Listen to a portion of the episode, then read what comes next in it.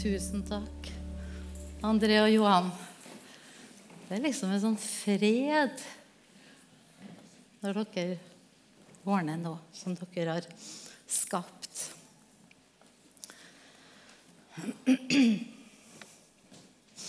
God morgen.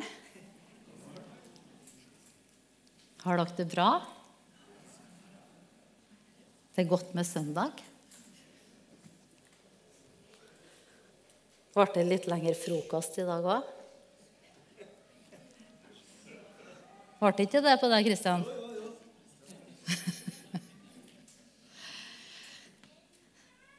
Leon, fantastisk å høre deg. Men vet du det at du stjal mitt? Er ikke Gud Gud er litt rar og litt artig? Hæ? Det du sa, var det jo det jeg skulle si. Og sånn er Gud. Han er litt sånn forunderlig noen gang. For han, han kommer litt sånn overraskende, men så kommer han og bekrefter. Og det gjorde han i dag. Eh, han, Leon han snakka om da han var liten. Og akkurat det samme skjedde med meg. Da jeg var fem år gammel, så tydeliggjorde Gud sitt kall til meg. Og det begynte sånn som det her. Hver kveld til samme tid så våkna jeg med mareritt. Kveld etter kveld etter kveld. Og mine foreldre de var fortvilt. For jeg, når jeg våkna, så hylskrek jeg, som vi sier på trøndersk. Og jeg var nesten ikke til å roe ned. Og det her, De ba for meg. Jeg vokste opp i et hjem hvor de ba, og de ba. Men det skjedde egentlig ingenting før. Vi for på sommerferie. Vi skulle på hytta. Og på den tida, eller Vi skulle ikke på hytta da, nei, vi skulle på, til hjemgården til, til, min mormor. For vi hadde jo ikke overtatt hytta på det tidspunktet. Og eh, så skulle vi ligge over til tanta mi, og hun var et bønnemenneske. Så fortalte foreldrene mine at snart så våkner jeg av Dorte. For det gjør jeg hver eneste kveld. Og ganske riktig. Den, den natta fikk ikke tanta mi sove. Hun ba. Og så hadde hun en, en gammel bibel. Så hun fikk et ord, så gikk hun til Bibelen og så reiv ut det bibelverset som hun fikk fra Dorte den natta. Og neste natt Eller hun sa det at neste natt så må dere som foreldre ta ei sikkerhetsnål, og så fester dere det bibelverset på hjertet, på brystet til Dorte. Og hun skal få fred. Og det var det som skjedde. Fra den natta sov jeg som et barn skal gjøre. Det bibelverset er det som har fulgt meg hele mitt liv.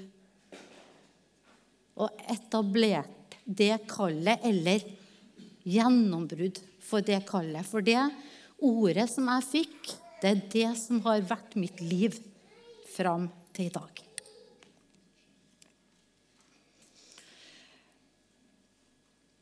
Mitt kall, det er å hjelpe mennesker. Det er å løfte opp mennesker til sin rett. Og det er å inspirere mennesker, og det er å gjøre godt. Og av og til så må Gud si, 'Bli ikke trett av å gjøre det gode'.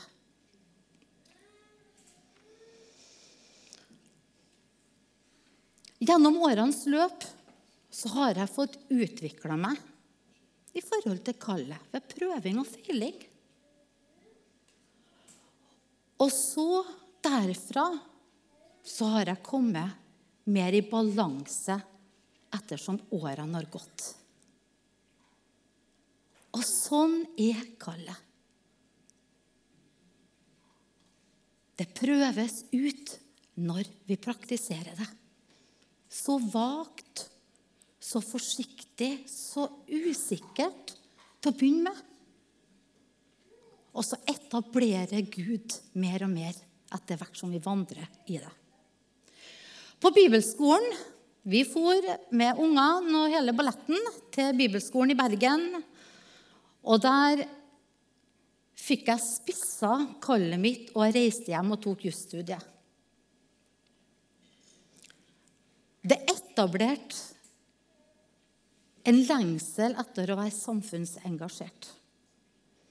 Å bry meg langt utover bare hjemmet mitt, men også menigheten. Og jeg skjønte at hvis jeg tok en utdannelse, så kom jeg mer i posisjon i samfunnet.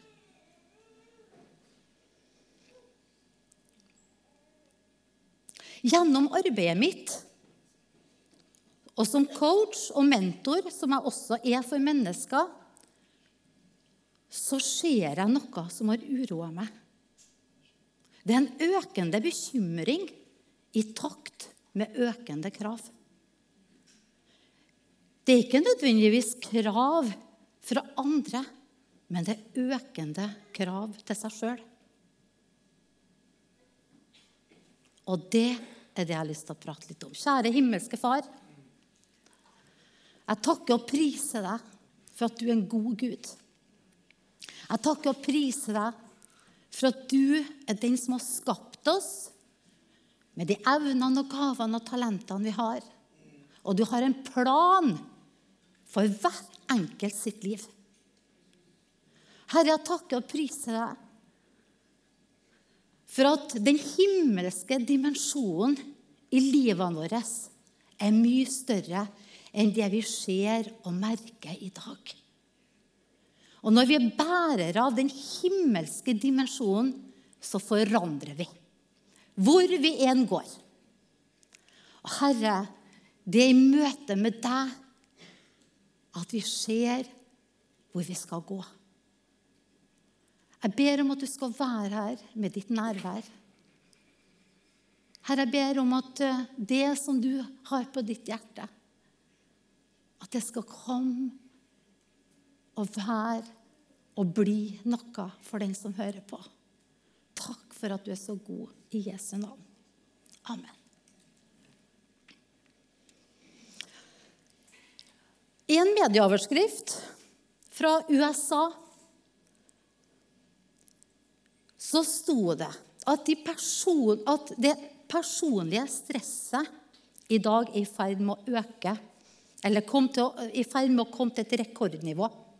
Det vil si at det stresset vi har i samfunnet i dag, er i ferd med å nå sitt klimaks.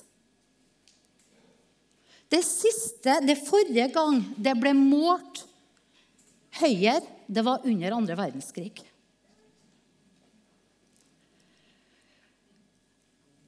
Jeg har sjekka litt, for jeg blir litt sånn nysgjerrig på, tida, på denne tida vi lever i. Og i, i Norge så er selvmord tre ganger så høyt som vanlige bilulykker. For år tilbake så var det bilulykkene som tok mest liv påført av skade. Nå er det selvmord. I, eh, og i en amerikansk statistikk som jeg har kikka på, så står det at de sju største påkjenningene i livet de er knytta til din jobb, penger, helse Altså for det første, på topp så er det din jobb. På andreplass er det penger. På tredjeplass er det helse. På fjerdeplass så er det relasjoner. På femteplass så er det dårlig mat, eller mat, maten vi spiser. På sjetteplass så er det overbelastning av media. På den sjuendeplassen er det mangel på søvn. Og åttendeplassen så er påkjenninga av å finne parkeringsplass for å komme på bete på søndag formiddag.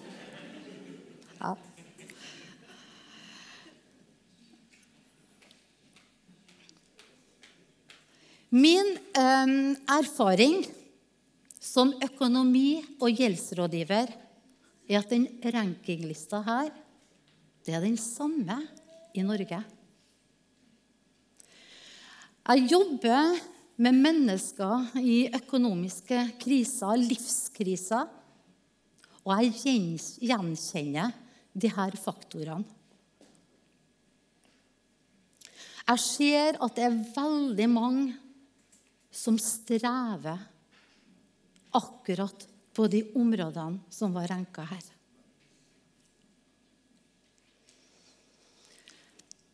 Til meg, når de kommer, når mine klienter kommer og skal ha hjelp, så er det som regel så kommer de for seint.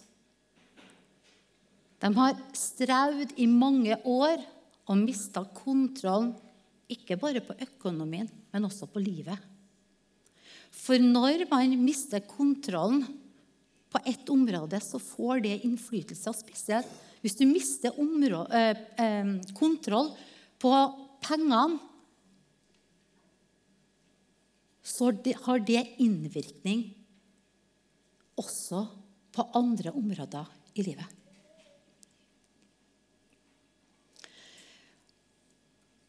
Mangel på å ha kontroll på pengene, f.eks., det er helsetappende, og vi blir syke. Jeg har mange eksempler på det. Men får man kontrollen, så er det helsebringende. Og det er forskjellen.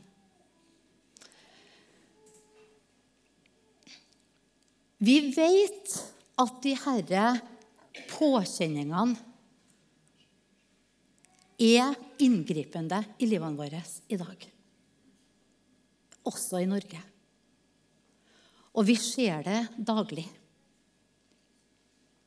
Og de sier det i forhold til når jeg underviser om økonomi og gjeld og gjeldsbelastningen som vi har i samfunnet i dag, så sies det at vi låner penger, eller låner penger til ting vi ikke trenger, for å imponere venner vi egentlig ikke kjenner.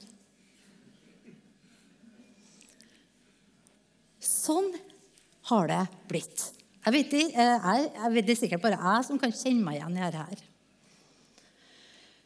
Det er for mye bekymring rundt klær, rundt mat, rundt ting. Og mange setter seg i gjeld pga. de her bekymringene. De tar opp lån og kreditt. Mange.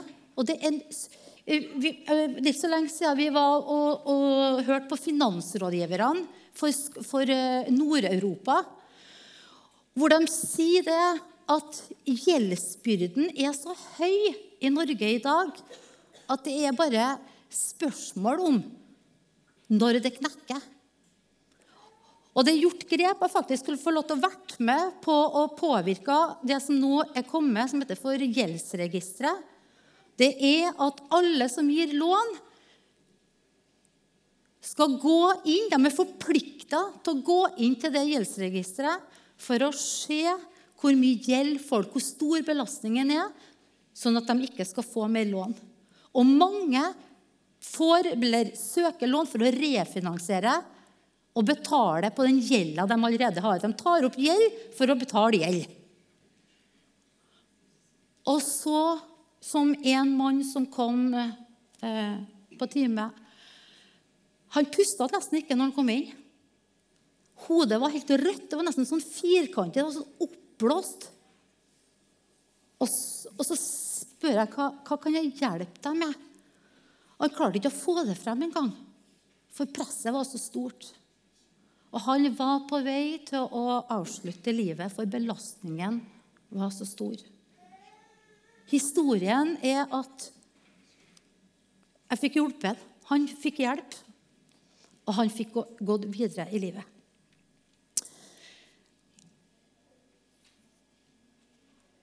Jeg har lyst til å fortelle dere en historie om meg sjøl. For en tid tilbake så var jeg, jeg var fryktelig eh, stressa. Jeg var så bekymra. Det, det, kom en kime av bekymring i forhold til tida vi lever i. Jeg begynte å se på verdensbildet. Jeg begynte å bekymre meg for alt som var rundt meg. Jeg begynte å tenke på ungene mine. Hvordan skal det gå med dem? Jeg hadde jo ei i England. Jeg må se til å få henne hjem. Så ikke hun er borti der hvis det smeller. Og jeg, jeg, jeg, begynte å tenke på slektningene. Jeg hadde en gammel far. Hvordan skulle jeg få med meg han hvis det skjedde noen ting? Han var jo ikke i stand til å gjøre rede for seg. Og, og, jeg, og jeg, jeg, måtte, jeg var kjøpt meg ti kilo salt. For hvis fryserne gikk, så skulle han i hvert fall få salta ned maten. Det var noe aldeles sikkert. Og det var like før jeg, jeg fikk overtalt en Steinar til å bygge en bunkers. Så jeg var sikker. Altså, jeg bekymra meg sånn at det, det, hele gikk helt ut av proporsjonene. Og jeg så et helt juv av bekymring som kom og invaderte livet mitt. Og så kom jo jula oppi alt det der òg, vet du. Så at når jeg skulle begynne på jobb etter jul, så kjente jeg at jeg klarer ikke. Jeg makta ikke. Jeg var så overbelasta av bekymringer. For det ene for dette har gått over tid. Og jeg så liksom at jeg, jeg måtte egentlig ta kontroll og ta ansvar for, for alt dette her.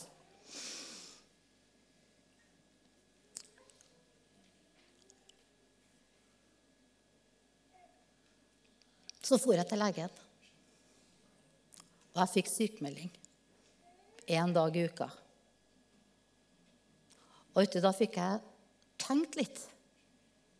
Jeg fikk landa litt, for jeg kjente jeg måtte. For bekymringene de hadde tappa meg så galt. Og når du begynner å tegne bunkerser du, for, å, for, å, få orden på livet ditt, da, da, da har det gått for langt.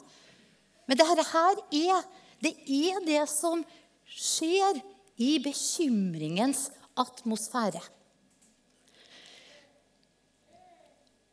Og jeg visste jeg måtte gjøre noen grep.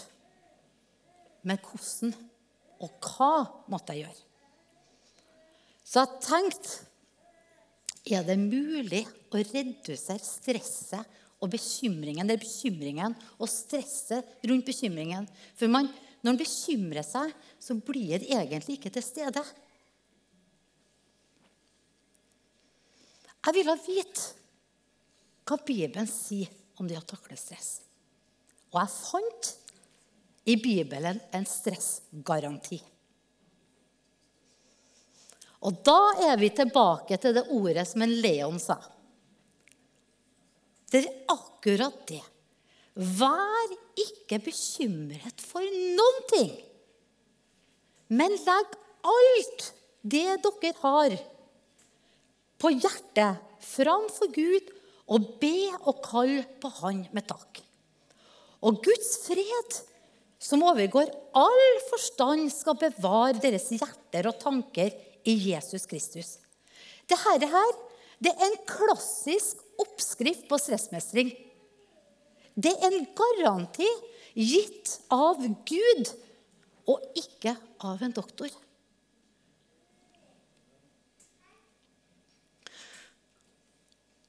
Vil du, ha, vil du ha mindre stress i livet ditt? Da må du høre godt etter nå. Jeg skal fortelle deg hva jeg fant. I Filippenserne 4,7 så har vi, vi har, I de to versene så har vi to garantier Vi har òg en løftesgaranti i Filippenserne 4,7. Har Gud sier at hvis du gjør de disse tingene, vær ikke bekymra, legg alt det dere har på hjertet, osv., osv. I vers 6 så vil vi oppleve Guds fred som overgår all forstand. Når vi er, eller når jeg er i en situasjon der det ikke er noe logisk grunn for å ha fred, og jeg har fred, da er det en fred som overgår all forstand.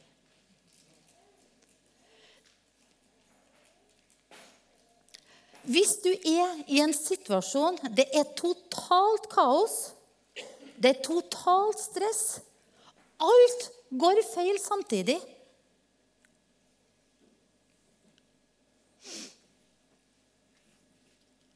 Og du har fred på innsida. Da er det en fred som overgår all forstand. Og Gud han sier at hvis vi gjør de her tingene som det står i vers 6, så garanterer Altså, han hadde en garanti, så garanterer han freden. Hvis vi gjør det vi skal gjøre, så garanterer han en fred som overgår all forstand. Altså, Vi forstår ikke hvorfor den trer inn. Og hans fred, han vil holde våre tanker rolig. Han vil, han vil holde tankene våre rolig og vårt hjerte fredelig når vi stoler på Jesus Kristus. Han har en plan. Han kjenner oss, han vet. Og Gud har egentlig lova oss et stressløst og et fredfullt sinn hvis vi gjør som han sier. Og hvem er ikke interessert i det? Dette her, det er hverdagsliv. Dette her er noe vi trenger hver eneste dag gjennom hele livet. Vet du at jeg, jeg har vært et bekymringsløst menneske. Men etter hvert som jeg blir litt eldre, så ser jeg mer scenarioer. Og har, kan ha en tendens til å bekymre meg mer. Så jeg, treng, jeg trang virkelig dette her. Det er faktisk over 7000 løfter i Bibelen. Og alle de løftene der de har noen premisser. De har de her premissene at hvis jeg gjør sånn, så skjer det. Hvis jeg gjør det, så gjør Gud sitt. Det er ofte knytta betingelser til det. Men det er en utrolig bra oppskrift i hver av de løftene. Det er noen ganger at kollegaen min spør liksom, har noen spørsmål om ikke jeg bekymrer meg. eller... Så sier jeg det at Bibelen har en oppskrift, en, en oppskrift for hvordan jeg skal gjøre ting i alle livets situasjoner. I alle livets situasjoner så vil jeg finne trøst og råd og løfter i Bibelen. Så kikka de litt rart på meg. da. Så var det ei som sa at 'Å, Dorte, jeg skulle ønske at jeg trodde sånn som du'. Ja, så sa jeg, men det er jo ikke noe forskjell på meg og deg. Dette her er tilgjengelig for alle.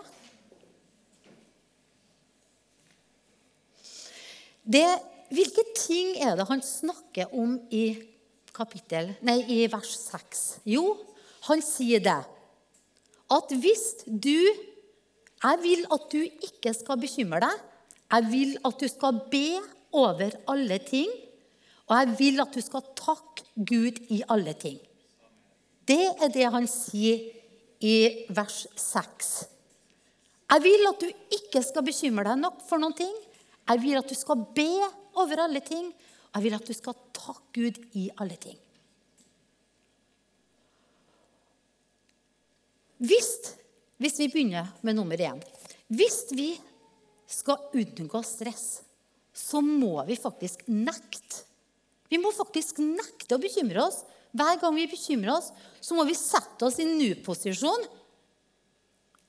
Og så må vi, vi må rett og slett stille oss det spørsmålet Hvorfor bekymrer jeg meg?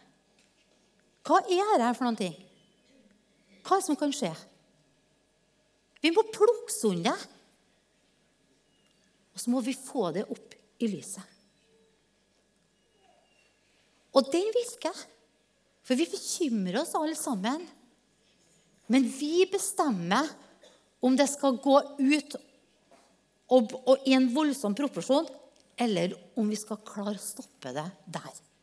Det ligger her. Og han har sagt at hvis vi stopper det, så Den største ressursen til bekymring tror ikke jeg er jobben i seg sjøl, eller pengene, eller helsa, eller maten, eller Men det er bekymringa for. Det er bekymringene for alt det her. Arbeid holder ikke oss våken om natta. Det gjør bekymringen. Frykten for hva jeg skal spise. Det er, ikke, det er ikke det vi spiser, men det er hva vi skal spise. Og Vi hører i dag at det er så mye teorier om det forskjellige maten. Vær ikke bekymret for noe. Og det, det, det, er tydelig at Bibelen har faktisk ingen unntak. Det finnes ikke noe unntak. Ja, men, ja, men, ja, men Nei, sier Gud. Ja, ja, men det skjer, da? Nei, sier Gud. Ja, men det skjedde jo, det. Nei, sier Gud. Ja, men enn om det skjer, da? Nei, sier Gud. Det er faktisk ikke noe grunnlag for å bekymre seg. Hvis vi stoler på Gud. Vet dere at det med stress og bekymring det var så viktig at Jesus hadde, hadde som en av, av hovedtemaene sine i bergprekena. Det var en av de høye topicsene som han hadde i bergprekena. Vær ikke bekymret. Da må det være noe han ville si, ikke bare til dem som lytta på bergprekena, men også dem som lever i dag. Og Her ga han også, også noen, noen, grunner til hvorfor vi ikke skulle bekymre oss. Bekymringene de er urimelige, de er ulogiske, de er unaturlige og har ingen mening. Hør her. Han sa i Matteus 6, 25, Vær ikke bekymra for livet ditt. Er ikke det mer verdt enn alle disse tingene rundt deg? Har du lagt merke til at bekymring eskalerer problemene dine? Har du opplevd at bekymring gjør problemene dine mindre? Har du opplevd at eh, Jeg må bare si det var en tid tilbake så hadde jeg hørt at det var noen som hadde snakka eh, stygt om meg. De har snakket, eh, sagt et eller annet. Og det var kommet for mine ører. Og så rare, vet du, det var jo at jeg begynte å lage i mitt eget hode hva de hadde sagt.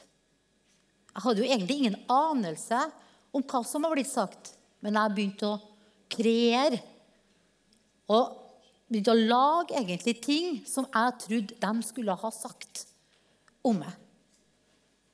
Og jeg begynte å bli bekymra for hvem de har snakka med, og hva som er sagt. Jeg begynte å bli mistenksom. Har de snakka med den, tru? Kan jeg stole på den? Og så starta det noen sånne prosesser inni hodet. Det er én ting er i hvert fall sikkert at bekymring krymper ikke problemene våre. Det er sikkert.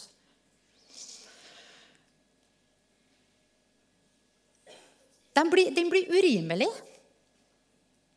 irrasjonell og de vokser fort ut av proporsjonene. Bekymring rett og slett virker ikke. Den gjør faktisk ikke noe forskjell i livet vårt. Den forandrer ingenting, og den gir ingen frukter. Jesus han sier at bekymring den er unaturlig. Det er noe vi har lært oss. Har du sett at en baby har bekymra seg? Det er tillært. Det er noe vi har lært i oppveksten. Og hva vi er bekymra for, det er veldig forskjellig. Faren min han var veldig redd når han var på sjøen. Og vi ungene vi merka det, at han var redd når vi var ute i båt. Og det klarte han egentlig å forplante litt hos oss. Og han kunne ikke gjøre noe med det egentlig ikke, men han synliggjør at man er redd. Og dermed så ble jeg sjøl litt redd av å være på sjøen, og jeg visste ikke hvorfor. Det var bare noe som jeg hadde lært, at sjøen kan være litt farlig. Han trenger ikke å være farlig når vi har redningsvest og vi ferdes normalt på sjøen. Jesus sier, 'Se på fuglene under himmelen. De sår ikke, de høster ikke, de samler ikke i hus. Men den far dere har i himmelen, gir dem føde likevel. ikke dere mye verd, mer verd?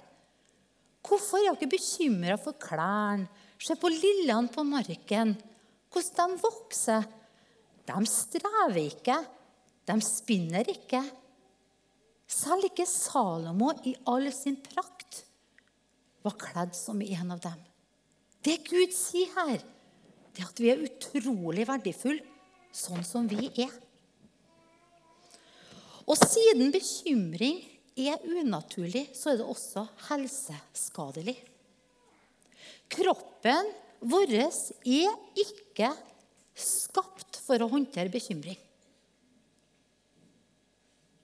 Det er rett og slett helsetappen når vi blir syke av det. Er du bekymra, erkjenn det og ta tak i noen som du kan prate med, så du får det frem i lyset. For hvis du bærer Herre her inni deg, så ligger det i mørket. Og hvem er det som råder over mørket? Det er djevelen. Han råder i mørket, og han liker at ting eskalerer. Så vær rask til å erkjenne hva du er bekymra for overfor deg sjøl, overfor andre. Snakk om det og få det fram i lyset. Det er legedom.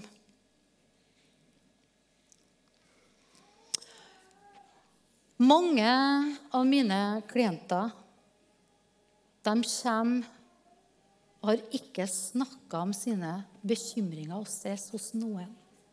Og ofte så kommer de når de er syke. Syke av det de ikke har hatt kontroll over. Bekymringene som har eskalert. Det være seg penger, det være samlivsbrudd. En har fått en begjæring om tvangssalg i posten. Og så kommer de fordi at forut for det så har ikke de åpna posten sin. De har ikke snakka med ektefellen om det eller samboeren om det.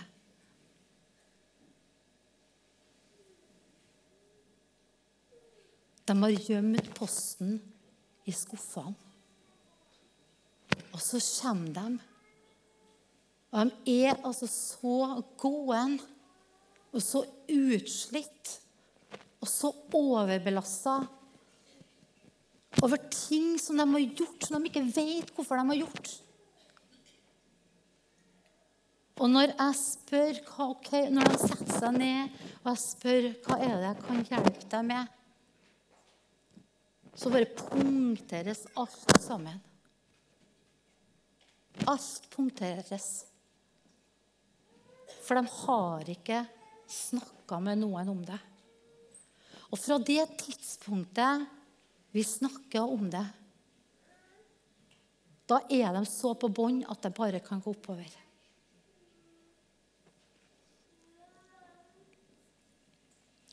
Legene sier at sykehusene er fulle av mennesker med skyld og harme og bekymring. Også årsakene som har fått de fleste inn. Jeg er så heldig at jeg har en eh, lege som jeg i arbeidssammenheng som jeg prater med. Så vi møtes sånn ca. én gang i måneden. Og jeg, jeg, synes, jeg, jeg vil gjerne snakke sammen med henne for at hun har mye visdom. Og hun jobber med folk som har eh, stressrelaterte sykdommer eller lidelser. Og hun sier det. Det er det gapet mellom det vi trenger, og det vi vil ha, som er helsetappende. Altså de bekymringene som skapes mellom altså det at vi egentlig ikke trenger, men at vi allikevel vil ha, altså kravene. Det er det rommet som er helsetappende og ødeleggende. Altså det jaget som vi blir en del av.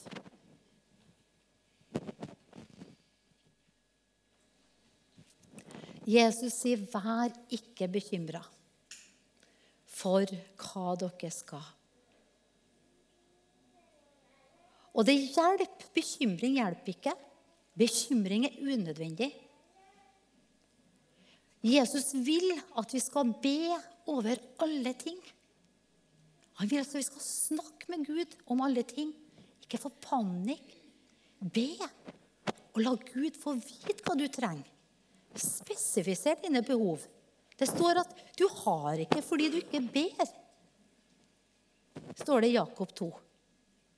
Jeg bare forteller dere en liten, søt historie. Jeg har en eh, Broren min, minstebroren min,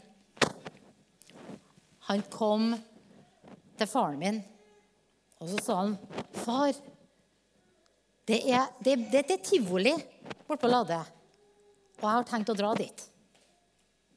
Ja vel, sier far da. Du skal vel ha litt penger, da, sa han. Ja, det skulle han ha.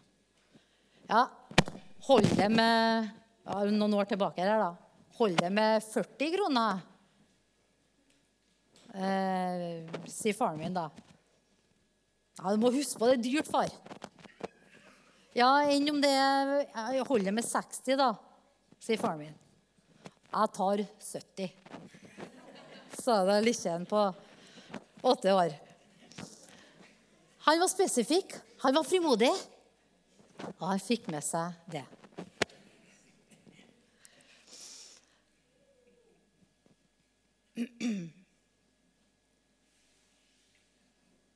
Gud vil at vi skal takke i alle ting. Vet du at det er en sammenheng mellom lykke og takknemlighet? Du kan være lykkelig. Du kan aldri være lykkelig og utakknemlig samtidig. Ulykkelige mennesker er utakknemlige, og lykkelige mennesker er takknemlige. Det finnes det utallige studier på. Jo mer takknemlig du er, jo lykkeligere og friskere er du. Takknemlighet styrker immuniteten, og motsatt. Takknemligheten flytter fokuset fra meg og over til andre. Hvorfor snakker jeg om dette her? Det er for at jeg ser at bekymring og stress forstyrrer. Det tar fokus, og det stjeler freden som Jesus snakker om i Filippenserne 4,7.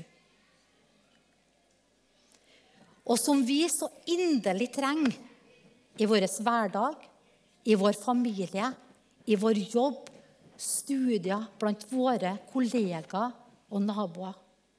Det er den freden Det er i freden vi hører, og det er i freden vi ledes.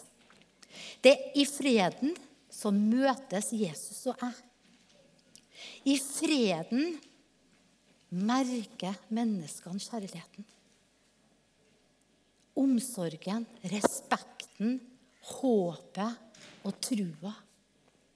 Det er i freden det profeteres. Det er i freden det gis kunnskapsord. Freden har en tiltrekningskraft.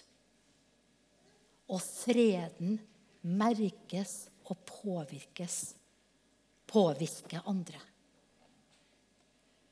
Det er i freden jeg virker best i mitt kall.